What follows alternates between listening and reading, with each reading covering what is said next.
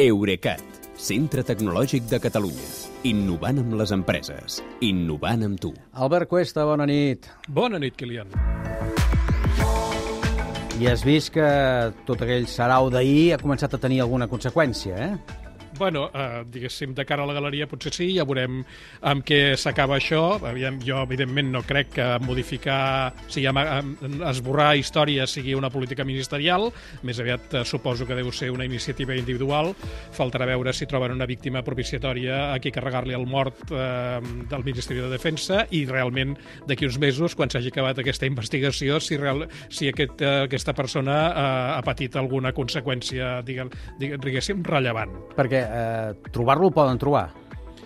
Home, eh, ja, jo, evidentment, jo no conec el, la configuració de xarxa del Ministeri de Defensa amb una instal·lació de Segovia, però eh, si està mínimament ben feta eh, es pot vincular a l'usuari que, es va, que es va connectar, que es va identificar a, a Windows, posem per cas, a, a la xarxa en aquell moment i era el que, que estava utilitzant aquell dispositiu a, a, a l'hora en què es va fer la modificació de la Viquipèdia. Sí, es podria ja. rastrejar, es podria rastrejar.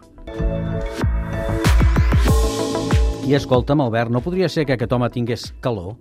Perquè ara em deies o m'has de dir que la crispació de Twitter resulta que és culpa de la calor que fa? La crispació de Twitter, que és un greu problema, i darrerament jo estic veient gent que marxa perquè no de marxa de Twitter o de ja no poden més. Twitter, perquè no poden més dels atacs que reben, mm. eh, siguin o no justificats. Uh, això que dius de la crispació de Twitter és culpa de la calor que fa, doncs uh, en certa manera sí. Els científics han trobat una correlació entre el discurs d'odi en el contingut dels tuits i les temperatures extremes al lloc on es van publicar. Mira. R resulta que quan el termòmetre s'enfila per sobre dels 42 graus, graus, eh, que ja és calor, sí. eh, els tuits racistes, misògins i homofòbics augmenten un 22%.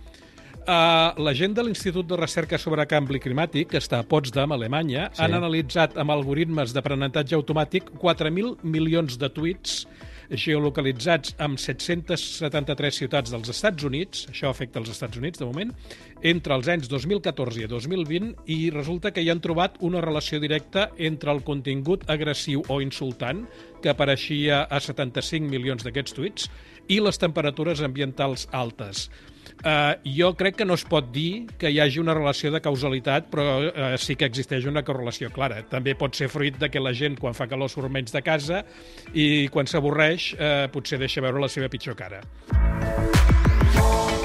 I aleshores hauríem de dir que Twitter és més amable quan fa fred? Uh, no del tot, em sap greu, perquè el mateix estudi també ha detectat un increment de tuits amb insults quan fa molt de fred. Ah, també. Sí, no és tan acusat com la calor, però el contingut d'odi a dins dels tuits creix un 12% quan la temperatura cau per sota dels 3 graus centígrads.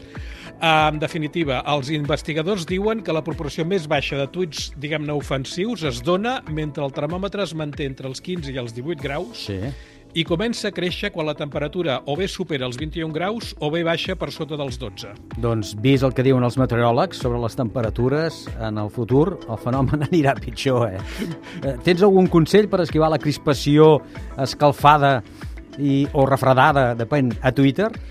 Uh, sí, i paradoxalment, diria, tractant-se d'això que anomenem una xarxa social, jo el que recomano és ser una mica antisocial. Uh, D'entrada, uh, seguir només els usuaris que t'aportin alguna cosa positiva, sigui perquè et fan riure o perquè t'informen. Després, uh, una cosa ja tècnica, que és desactivar el timeline, la cronologia algorítmica, que és allà on Twitter et mostra primer els tuits que ell vol, i canviar-lo pel timeline clàssic o cronològic, que és allà on tu només veus els tuits de la gent que segueixes en el mateix ordre que els publiquen. D'acord. De, uh, hi, ha, hi ha opcions més radicals. Uh, una és, eh, i sobretot va, es basen en fer servir les eines de configuració. Jo n'hi ha tres que les trobo especialment útils i les faig servir molt. Una és crear filtres que amaguin paraules i etiquetes que no vulguis veure. Eh? La segona és restringir la possibilitat de respondre als teus tuits només a les persones que segueixes o que has mencionat a cada tuit. Mm -hmm. I la tercera és silenciar les notificacions de les persones que no segueixes o, que, o bé que no et segueixen o les dues coses.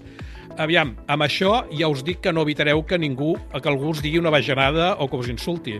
Però, si més no, si ho fa, no ho veureu i viureu molt més tranquils. Veus?